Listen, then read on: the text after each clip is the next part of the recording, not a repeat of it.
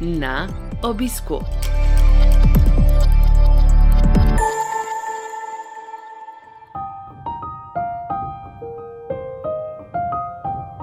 Dobrodošli v novi epizodi serije podkastov na obisku, ki nastaja v produkciji Slovenskega združenja bolnikov z limfomom in leukemijo.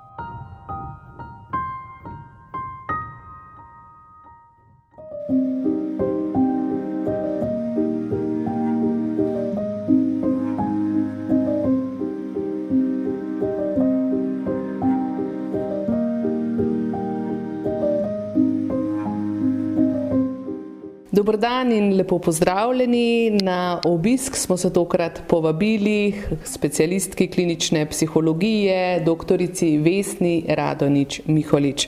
Izkušena klinična psihologinja je dolga leta delovala na Inštitutu za rehabilitacijo Soča, predtem tudi na Onkološkem inštitutu v Ljubljani.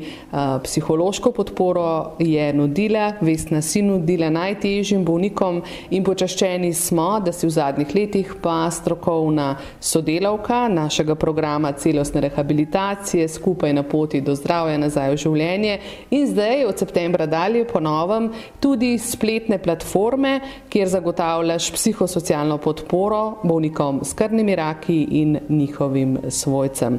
Vesna Radonič Miholič, lepo pozdravljena in dobrodošla. Dobar dan, veselim se in hvala na povabilu. Vesna, ravno iz Amerike, po dveh mesecih. Ja. Kaj si počela na Floridi? Babica sem bila, aktivno sem bila babica, ker imam tam dva vnuka. Uh, spoznavala sem nove kraje, ker so se preselili iz Kalifornije na Florido, to se pravi, je bilo že takrat tako za me Amerika nova. Uh, včasih sem mal v zadregi pred Ameriko, ne, ker je na nek način čutim rivaliteto, ker mi je, so moji vnuki zelo daleč in bi seveda raje videla, da smo kje blizu. Po, po drugi strani pa poskušam skozi njihove oči videti, kaj je to tam privlačnega za njih.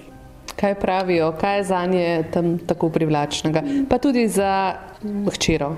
Morje, sonce, poklicne možnosti, uveljavljanje, dinamičnost.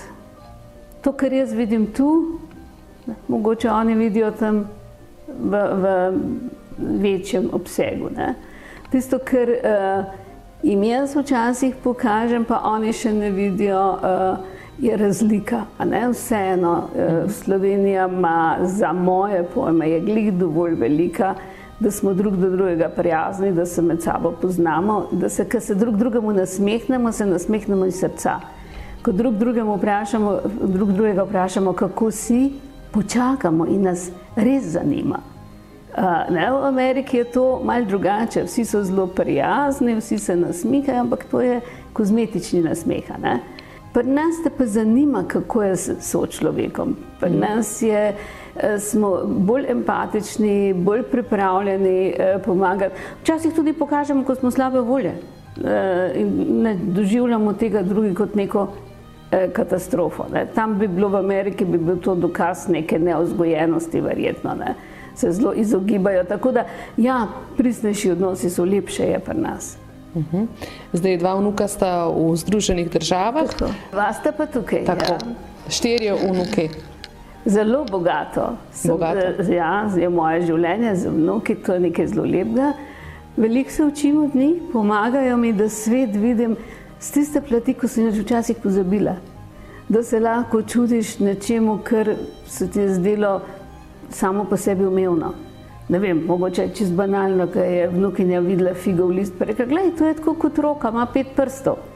Koliko krat sem šla mimo grma, nikoli nisem opazila, da je da so to lahko rokce, da lahko mahajo. Tudi jaz ne, verjetno je prva stvar, naslednjič na figu. Tako pogled. Ja.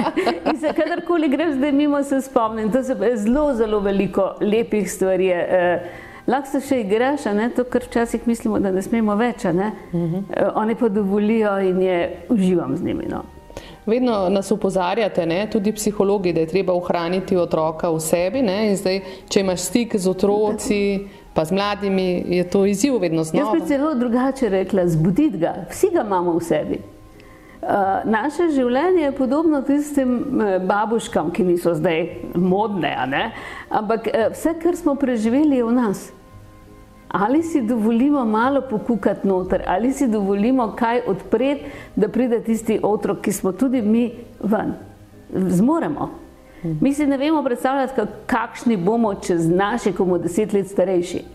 Ampak vsi se lahko spomnimo, pa lahko podoživimo, kako je bilo, ko smo bili 20, 50 let, 60 let mlajši. Ena od tistih petih babušk, da nimo tretja. O, nas je zelo veliko. Zanimivo. Vesna, se mi zdi, da je zelo relevantno vprašanje, ne, ta hip. Praviš, so del družine v Ameriki, pa ne vidijo recimo vseh danosti, ki jih imamo tukaj v Sloveniji ali pa recimo v Ljubljani, kjer zdaj živiš, pa vem, da si razpeta tudi med Rakom in Škocijanom, Ljubljano, Lendavo. Zanima me, kaj pa so tvoji starši, tvoja mama, da nimo dejala, ko si šla z Lendave v Ljubljano. Ja, tudi, tudi to je bilo slovo. Mogoče je v mojem življenju bilo celo bolj zgodaj, ne? ker je pač zaradi uh, šolanja sem jaz že 14 leti odšla od doma. Ne? Takrat je v začetku to za avantura in res potem odideš in več čisto nazaj ne prideš. Uh, mislim, da se je mama tega zavedala. Čeprav pri nas v družini je bilo tako, se, moja družina se je veliko selila. In moja mama se nekako v tem zadnjem kraju, kjer je bivala, nekako ni dobro ujela in je bilo vedno pri nas, aha, zadnje leto smo tukaj, ne? ampak je tam ostala do 90. Ne? in mal čez. Tako da, ja, vse te, vse te naše družine na naših prostorih so zelo dinamične, se zelo selijo in mislim, da jih naj, nas najdemo povsotane. Mhm. Vesna, če greva zdaj malo. Uh tvojemu delu, v združenju, torej ta celostna rehabilitacija skupaj na poti do zdravja, nazaj v življenje. Ker nekaj časa že delaš v tem programu, vem, da se veselijo naši uporabniki srečanja s tabo, to tudi odkrito povedo, nekaj njihovih mnenj je tudi na spletni strani, zaupajo ti, verodostojna se jim zdiš, vredna zaupanja. Seveda je zelo pomembno strokovno znanje. Ampak sčasoma v bistvu je to moje strokovno znanje ali pa se prepleta z tistimi sporočili, ki so mi jih oblikovali ljudje, s katerimi sem se med delom srečevala. Oni so me v resnici naučili poslušati, učiti se na kak način. Oni so me zadolžili, da tiste svoje osebna spoznanja, do katerih so ob soočanju z boleznijo prišli, ob tem, ko so se z njo spoprijemali, ko so ji dajali prostor v svojem življenju. In to na nek način bogati moje izkušnje in me zadolži, da jaz to dam eh, naprej. Uh, vedno bi jaz na nek način, ko se srečaš z neko življenjsko preizkušnjo, ne, ne, je to podobno kot školka, kot tiste, ko se sreča s peskom, ko jo boli, pa se najde en, ene naredijo iz tega biser. Še več, ene ta biser delijo, ta biser lahko nekomu polepša življenje. In jaz mislim, da so marsikateri ljudje, s katerimi sem se srečala pri svojem delu, smo šli skozi hude preizkušnje skupaj, smo se skupaj učili, smo iskali skupaj rešitve. Tisto, kar je bilo v zadnje, da smo verjeli, da je življenje vredno, da je vedno fino, da je vedno treba ostati radoveden, kaj je za naslednjim ovinkom. In potem smo skupaj ta biser začeli odkrivati in ga dajati naprej. Že vedno bi rekla, uh, da je med ljudmi uh, imamo nekatere, ki so umetniki življenja. Mogoče niti, da se to zavestno ne odločijo, ampak svojo izkušnjo tako intenzivno doživljajo, tako so povezani, upeti v ta svet okrog sebe, da jo potem se odločijo, da je vredno deliti z drugimi. Uh mhm. -huh in da deliti z drugimi, tu na naših skupinah nastaja. In to je tisto, kar je lepo, tam si sprejet, tam lahko doživljaš ti drugače kot nekdo drug in uh, lahko prislušnaš in med vrsticami, vrsticami slišiš in prepoznaš, se tudi jaz podobno doživljam, če te, čeprav o tem ne bi rekel ali pa morda ne prav, da tako doživljam. Naučimo se, da je vse, kar se v meni dogaja, normalno, da je vse, kar se v meni dogaja, da me bogati in da je vse, kar je v meni, lahko podelim z drugim, če želim. Uh mhm. -huh. In da ni nič narobe, če kdaj samo prisluhnem. In ni nič narobe, če kdaj vidim jaz stvar drugače in povem, ne, meni, jaz jo pa vidim tako. In to je tisto, kar je vredno skupine. Odprta, topla, vse sprejema, vsem želi biti v oporo. Če zdaj uh, omenjaš torej, tako skupinsko delo, ja. sodelovanje, pa recimo potem individualne tvoje posvete, ki jih imaš za naše člane in tudi ne člane, torej za bolnike s krvnimi raki, pa njihove bližne na torej, tej spletni platformi posvetuj.se. Kaj bi rekla, eh, ta rezultat te podpore ne, za bolnika, čisto strokovnega vidika, a je v resnici večji, če je individualen ali je večji učinek, če gre za skupinsko sodelovanje ali je odvisno od posameznika? Težko. Mislim, da težko. ne znam uh, tako opredeliti. Jaz mislim, da to niso ločljive stvari. Ali pa tudi merljive? E, ne, ne, sploh ne merljive. Ker včasih se zgodi, da si celo ti na neki skupini z nečim ne je volje, nekaj te je vznemirilo in si rekel, pa zakaj bi jaz to? In potem se čez teden morda izkristalizira, da tisto, kar te je oviralo, se je v bistvu na nekaj v tebi skritega, bolečega naleplo in da, da, da to spraviš lahko ven. Tako da, eh, absolutno mislim, da to niso uh, ali, ali, ali, -huh. ampak da so to stvari, včasih se lahko na nek način komaj malo odprem, pa da se lahko hitro zaprem v individualnem, včasih je to v nekem skupinskem. In eno in drugo, resnično mislim, da je uh, lahko je stvar izbora. Danes sem jaz lažje v individualnem, uh, v nekem drugem trenutku se bolj prijetno počutim. Uh, morda celo začnem skupino, kar si rečem, vse nič drugo ne želim, samo vidim ljudi, tukaj so ljudje, aha, se oni so imeli pa podobno ali imajo podobno izkušnjo. Uh mhm. -huh. Torej, nisem sama na svetu in morda sploh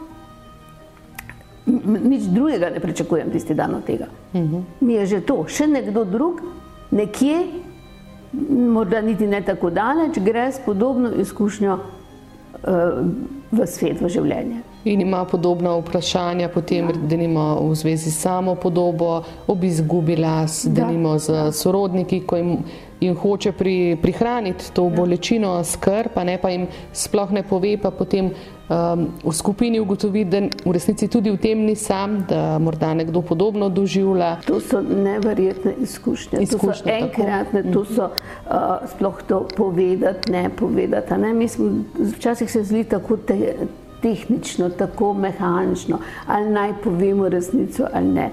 In tukaj pride ven, mi govorimo in čutimo in smo ob resnici. In e, resnica ni nekaj, kar mi ustvarimo. Resnica je tukaj v nas, ob nas in mi samo odstiramo.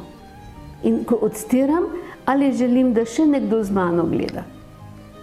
In pa se potem začnem pogovarjati, kako smo, kako smo se bali, kako smo drug drugega zaščitili, kako se včasih ne da zaščititi. Še nekaj se včasih ljudje počasi, morda malo zavedajo. Ne? Želeli bi zaščititi svoje svojce, da jim ne bi bilo hudo, hkrati pa ljudje z tako hudo preizkušnjo, kot ena resna bolezen je, na nek način imajo priložnost, da tiste okrog sebe učijo, so neki voditelji naši, se nam ostanejo v nepozabnem spominu. Kako so se pa oni? Se to se eh, spomnimo lahko, ko doživimo podobno stisko ali neko drugo. Pa rečemo, joj, kako se je pa on znal. Mhm. In takrat se včasih tudi vprašamo, kakšen bi pa, kakšno sled bi pa jaz ali kakšno sled jaz lahko jaz, ko tako, grem skozi take hude preizkušnje, pustim v življenju za sabo. Ker naše sledi niso stopinje v pesku. Naše sledi so spomini v srcih naših bližnjih. O, kako lepo. Vesna, povej, ko poslušaš te zgodbe, ki so, seveda so težke, če gre za težko bolezen, je tudi to doživljanje notranje, te realnosti nove, težko, ne? ne more biti drugačno, najbrž je posem pričakovano, običajno in tako naprej. Zanima me, kako pa to vpliva na te. Jaz sem bi, bi nekaj drugega rekla. Res iz dna duše ljubim to življenje in ga sprejemam kot največji in edini dar, ki ga ta hip imam. In resnično, uh, ko se srečam z ljudmi, vedno znova, v najtežjih preizkušnjah, odkrivam, kako veličasten je človek. Kaj vse znamo, zmoremo. V najtežjih preizkušnjah pa te nekdo pokaže sočutje do drugega človeka. Nekdo, ki, ki zelo trpi, pa v nekem hipu prisluhne čisto z srcem, z ušesi, z očmi nekomu drugemu, ko govori. To se, vzel ga je za osebo zraven sebe. To se, to se toliko stvari dogaja, da dejansko ob tem je bolečina, ob tem je strah. Ampak mi živimo, mi smo tukaj zdaj. In ne samo, da živimo, mi, mi smo lahko nekomu drugemu opora. Ne, naučili so me resnično, da neskončnega, ampak to ni zdaj deklarativno. Uh, toliko razlogov, koliko ljudi sem srečal z boleznikom, toliko razlogov je, da spoštujem ljudi. In to spoštovanje je uh, ob ljubezni. Seveda, ljubezen je bila osnova. Jaz potrebujem ljudi, jaz imam rada ljudi, jaz rada sem z njimi v stiku, ampak ta srečanja so mi dodala, da jih resnično gledam kot uh, nekaj neskončno uh, veličastvenega. Uh -huh. Tako da te bolečine niso, uh, ne drznem si usmiljanja čutiti. Za me je usmiljanje v nekem smislu, da razumem te dovolj. Ja, verjamem, da je težko. Včasih me je strah kakšnega dogajanja, včasih se kregam z usodo, ali jih moraš, a bi se lahko obrnilo drugače. Ja, to je res, so take stiske. Ampak potem se spomnim pogleda, dogodka, nečesa, kaj ta človek nosi sabo kaj, kako ta človek prispeva v tem svetu in vedno ga najdem nekaj. Recimo ti kot psihologinja, ja. ko spoznavaš te globine posameznika, včasih tudi, da nefunkcionalno deluje, te nič ne jezi. Seveda ne, seveda ne, ne drugi, sama, koliko krat sem jezna na se, koliko krat sem jezna na svoje bližne. Ja, nič hudga, eh, robantim, bentim, pa potem mine. Pa ko je mimo, O, se še to sploh ni bilo pomembno. Ne? Ampak uh, ja, seveda se veter mora imeti, ne? če ni vetra, tudi. Uh, Bonace ni. ja, pa tudi ne prevetri, ne? v bistvu, ja, seveda se. Uh, ne, nimam okrušenega, upam, nobenega spektra človeškega doživljanja. Vse jezimo, vse skregamo, vse po, sem, na kaj nisem, s čim nisem zadovoljna. Najhujše na svetu, na, za me je najhujša bolečina, pa najbrž še za koga je nemoč. Ko vidim neravnovesje, pa, pa nemoč. Uh mhm. -huh. Recimo tole dogajanje v Ukrajini je za me zelo velika bolečina. Grozna bolečina, glede na vse izkušnje, ko sem delala tudi žrtvami, ko so po vojni bili tem. Verjetno na Soči tudi ne. Na Soči, ja. ko smo delali v projektih pomoči. Uh, kaj se naučiš? Naučiš se, da vojna nikoli ni rešitev. Naučiš se, da vojna danes, tudi če te pripelje do zadovoljitve neke kratke želje, 500 let pušča posledice. In te posledice je preprosto včasih ne mogoče odpravljati. Tisti, ki jo je dobo, sploh ne vedajo, kot nič manj hudoni kot uh, atomsko sevanje. Mm. Nekje v svojem okolju dobi sovraštvo do nečesa. Generacije trpijo Tako, zaradi tega. Skozi generacije se to prenaša. Absolutno. In tega, tega me je groza. In uh, ne rinem glavo v pesek, ampak moram reči, da se kdaj odločim, da kakšno stvar eh, pogledam, kakšno stvar pa se obrnem pa rečem ne, po deseti, po osmi uri ne gledam več poročil, ne morem gledati uh, trpljenje otrok, ne morem gledati sploh ničesar. Mm -hmm. In strah me je, ker imam od štirih vnukov tri fante. Za fante ta svet postaja neprijazen. Ne želim jih nikoli videti v nobeni vojni, kot aktivne, kot kakorkoli. V nobenem primeru ne opravičujem čisto nobenega nasilja. To pa je moj problem, če hočeš nasilja, toliko vem, koliko je življenje vredno. Mhm. Toliko hudih stvari se dogaja brez, pa da bi drug drugemu še počeli um, neko agresijo, to pa to mi ni razumljivo.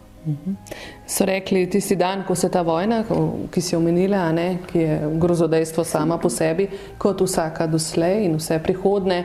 Um, ko se je začela, so rekli, zbudili smo se v dan, uh, ko nikoli več ne bo nič, kot je bilo v tem okolju, velja tudi za pač to našo državo, ker je pač smo del skupnosti, a ne evropske. Kako misliš, da bo to vplivalo na, na vse nas, na posameznika, ki se je morda komaj izvlekel iz COVID stiska? Ne? Vemo, kaj so COVID stiske, oziroma to obdobje povzročilo na eni strani starejšim, na eni strani otrokom, Vsem. podjetnikom. Vsem. In zdaj pa tole. Ne? Skrb. Ne vem, morali bomo res vse svoje moči nabinjati, ker uh, nikoli ni dobro, da te ljudje v življenju strašijo. In zdaj nas to strašenje se že tretje leto nadaljuje ne? v taki in drugačni obliki. Zelo se bojim, ali bomo zmogli moči, da bomo znali strah spraviti v previdnost in da bomo znali se sončnim pomladanskim dnevom odpreti, vzeti lepoto iz narave, v bistvu znati drug do drugega tudi uh, pričakovati, da bomo lahko nekaj ustvarili, v bistvu, da se bomo otresli te nemoči, da bomo konstruktivni, da bomo se med sabo povezovali, da nam ne, na vsakem koraku ne ucepljajo sovraštva.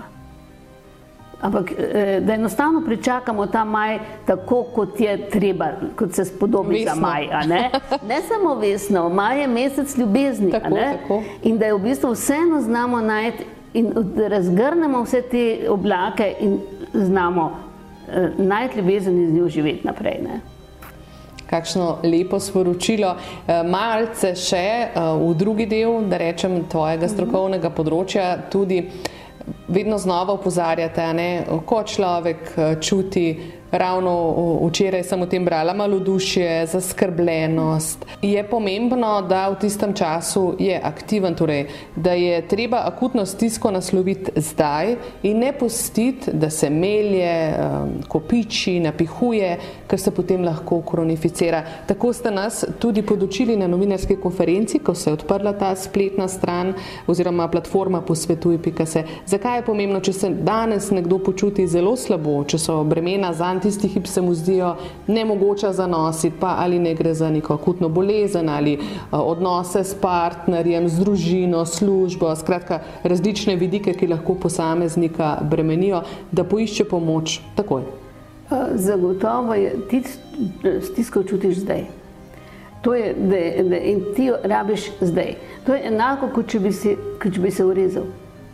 Ti moraš takrat iti, če boš šel čez en teden, se bojo že stvari neke druge zgodile. Uh -huh. uh, lahko bo šlo vse v redu, lahko se bo uh, poslabšalo.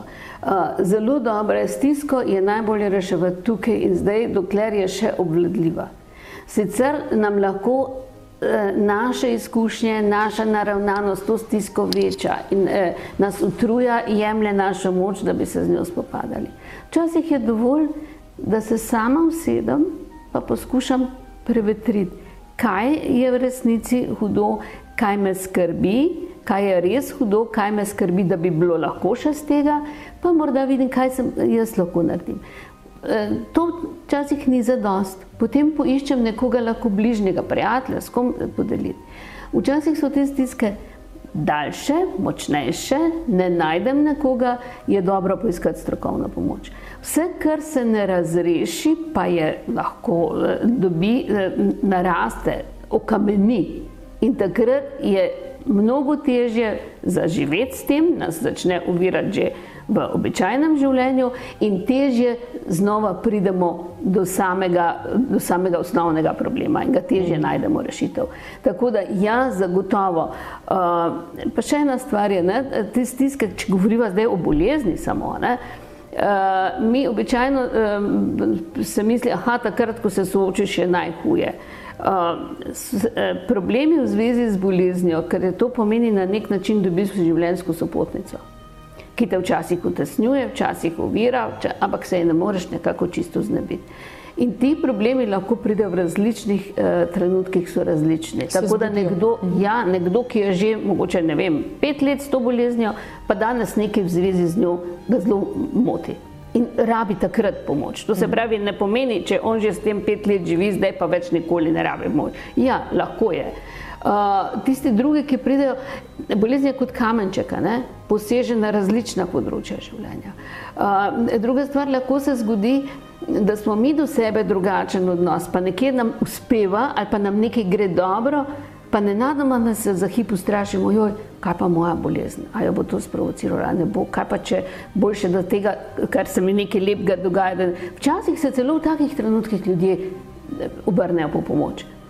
Uh, obstaja pa tudi nekaj, kar um, morda še vseeno smatramo, da je manj pomembno. Uh, bolezen stisko povzroča tudi tistim ljudem, ki so uh, z obolelim povezani. Prav gotovo se je strah, ja, se je skrb, ja, obremenitve tudi. Ja, in, in tukaj, tukaj imamo mi v vsakodnevnem življenju tudi hierarhijo, ne, po kateri mislimo, da se bolezen vpliva. Priznamo, da stisko doživlja partner, priznamo, da stisko doživljajo starši. Ampak tu so včasih hudo je, če zboli otrok, hudo je, če zboli dedek ali babica. Uh, če zboli otrok, seveda se vsi usmerimo na kako mora grozno biti staršem. Ampak grozno je tudi starejšim generacijam. Včasih se zgodi, da stiska otroka stopnjuje bolečine generacij naslednjih. Ker stiska staršev je neverjetna.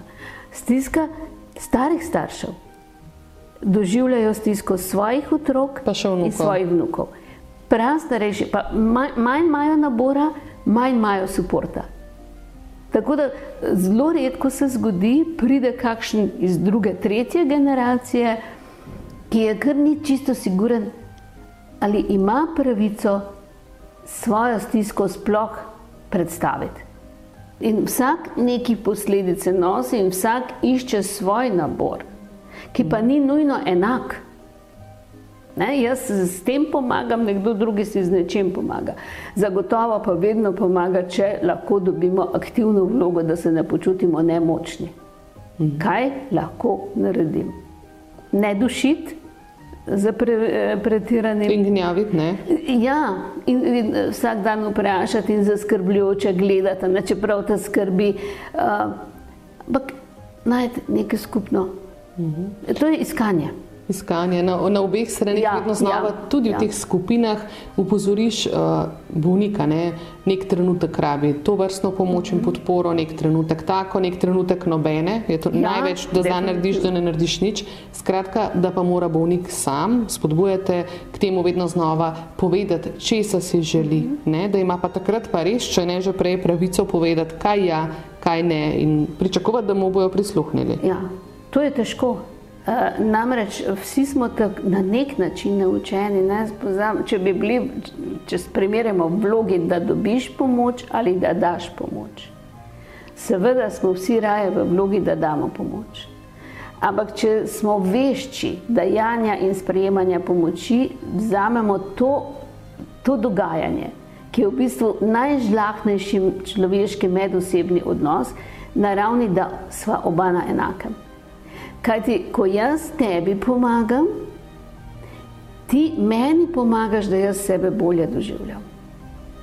In ta, ta del, uh, da ne gre, kaj, sem, kaj ti bom dolžan, ta, ta del, to je zelo en občutljiv odnos, ki lahko rani oba ali pa oba bogati. Uh, in iskrenost je največje zagotovilo medosebnih odnosov, da bo to dober, da bo to dober odnos ni pa vedno samo umevna ta iskrenost. Težko, ne? ne, ker včasih čuvamo drug drugega, ščitimo drug drugega in, uh, in naredimo mnogo nejasnosti. Ker pa potem vsak sam, če ima strah, pa se mu zdi, da je on preveč skrbi, mu ni dobro, ker vsak od nas rabi tudi kdaj svoj prostor, biti sam sabo. Tako. Zanimivo se mi zdi tudi, ko naši ljudje povedo, ne, da eh, pravzaprav, ko je najtežje, ko pride bolezen in tako naprej, pa potem se nacepijo lahko še razno razne drugi problemi, tudi uh, socialni problemi in vsakršne stvari. Uh, veliko krat sem opazila, da pravijo, da ne dobijo pomoči, kot bi jo pričakovali, od tistih, za katere bi pričakovali, ampak kar od nekaterih, ki sploh niso vedeli, da so jim bili tako pomembni v življenju To je zanimivo, ne? Ja, to je silno, dosti krat se sliši, ne, se tudi so razne pregovori, že ne razne modrosti eh, človeške, ne, ko rečejo, da bolezen preseje med prijatelji, da v bistvu, ampak večino, dosti krat rečejo ljudje, uh, spremenil se je moj krok bližnjih. Tako pravijo, ja. Uh, ja, mi pozabimo, da mi tudi oblikujemo svoj odnos do drugih. Če smo čisto iskreni, pa če se znamo, včasih igramo vse mogočne svetovalce. Pa se ljudje v vsaki stiski lahko na nas obrnejo, pa jim damo na nek način občutek, da mi pa vse zmoremo in nam vse gre. In ko smo mi v stiski, se ti ljudje preprosto včasih ne vejo, kako do nas vest.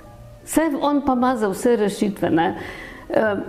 Eni ljudje se strahovito bojijo, ker mi moramo se zavedati, da v bližini bolnega človeka, najbližji svojci, imajo več uh, odprtih front. On se boji, kaj bo moj bližnji, kako bo z njim, prav za njega ga skrbi. Potem ga skrbi, ali bom znal, zmogel, kaj lahko za naredim. Potem ga skrbi, joj, to bi se lahko tudi meni zgodilo. Mi vsi vemo, da smo ranljivi, ampak ko nam pride bolezen tako zelo blizu, se je pa bolj zavedamo, da je že po njej. Mm. In da se ukvarjamo celo s tem, kako bi jo mi reševali. Se pravi, svojci imajo tukaj zelo, zelo hude eh, naloge pred sabo mm. in lahko je za njih tudi izredno težko.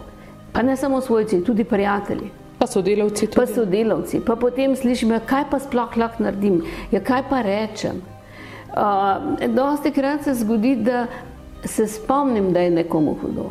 Ampak ne vem, ali ga naj pokličem, ali ga, naj, ali ga motim, ali ga ne motim. Danes je sicer mnogo možnosti, teh nedirektivnih tudi, ne? je telefon, je sporočilo, je, eh, ker, ker ti vseeno daje eno elegantno možnost, da, da postopoma, da ne butneš. Ne? Kaj je največ, kar človek človeku lahko da? Eh, da ga sliši. Da mu prisluhne, da ga sliši. Uh, občutek, ja, pa kaj bi sploh pomenilo, da, da ga vse dosti, da ga slišiš, da rečeš, kako si. Vesna, zelo lepo se to sliši. Včasih je sliši, pa lahko. Ne, tako ravno to imamo v mislih. Uh, z različnih vidikov, recimo to, ko si rekla, ne, bi poklical, pa je težko poklicati, ja. ne, ker ne veš, še sam ne veš, kako bi vprašal, kaj, še svojih čustev se bojiš, da ne rečem, da lahko kdaj tudi zamudiš trenutek in s tem ja. živiš vse življenje. Ne, torej, verjetno ja. je en od sporočil današnjega pogovora, če želiš z nekom govoriti, ga danes pokliči. Ja. Mislim, da je to zelo, zelo pomembno, zelo pomembno. Odlašanje nam nikoli, ampak res praviloma nikoli eh, ne prenese olajšanja. Ali bomo najpametnejši, ali bomo najboljši, ne vem. Ni treba, da gremo, se lahko sporočimo. Mislim, da ne vem, kaj lahko znate naredim, povej mi, kaj bi ti lahko olajšalo, karkoli. Ali pa samo rečemo, želim ti vse dobro. Mhm. Ampak uh, daj vedeti, da si tu za njega, da misliš na njega.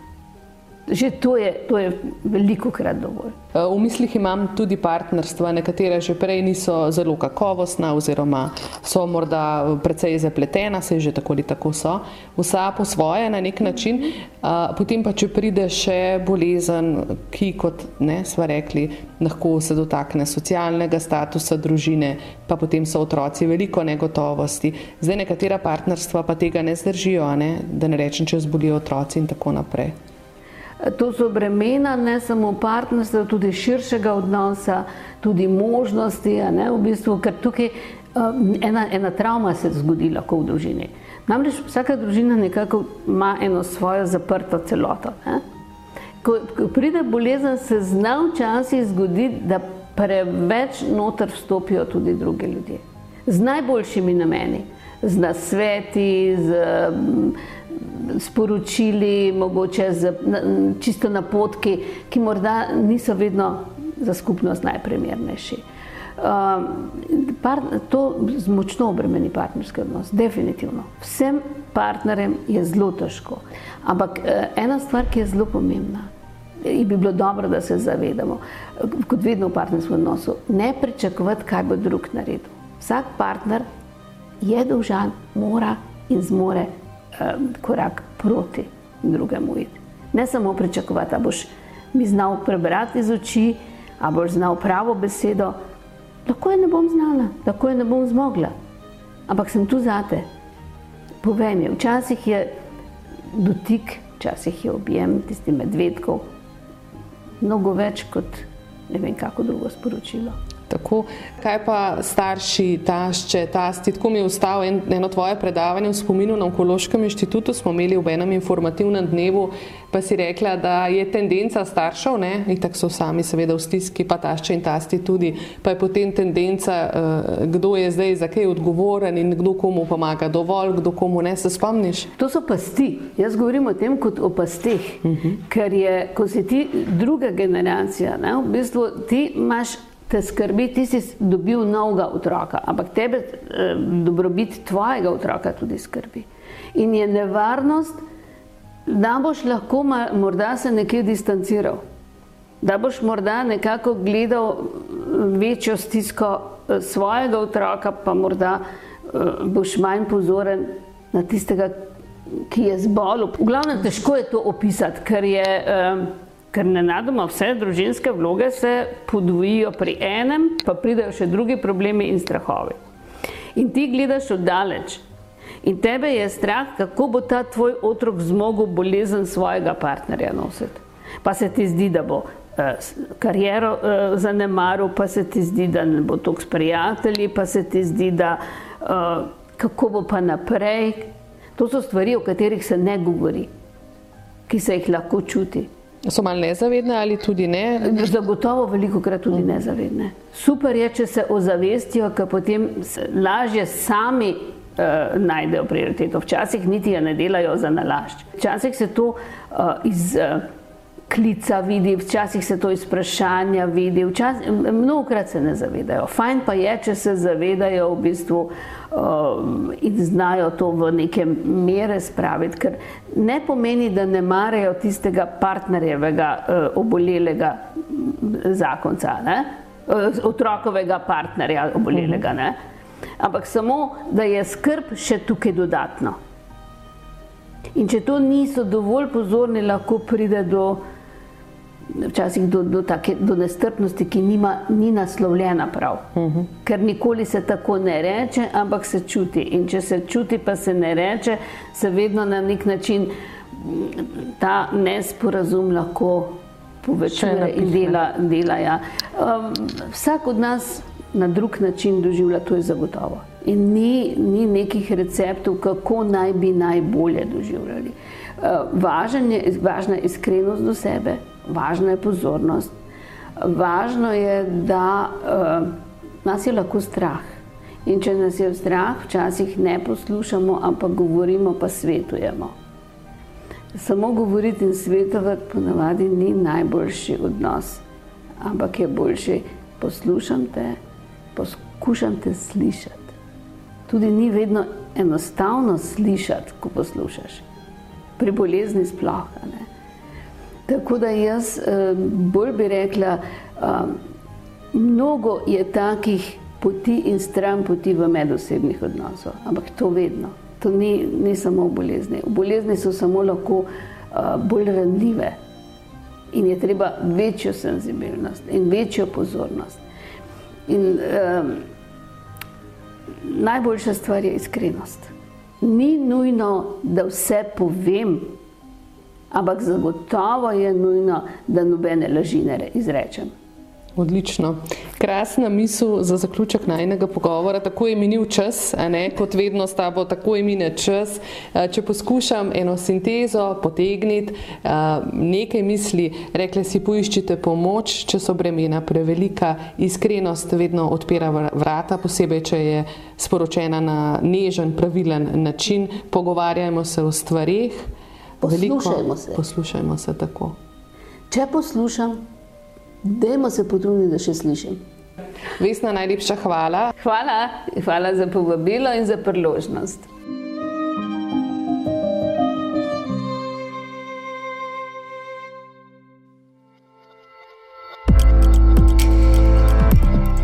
V našo družbo vabljeni spet čez 14 dni. Naslišanje.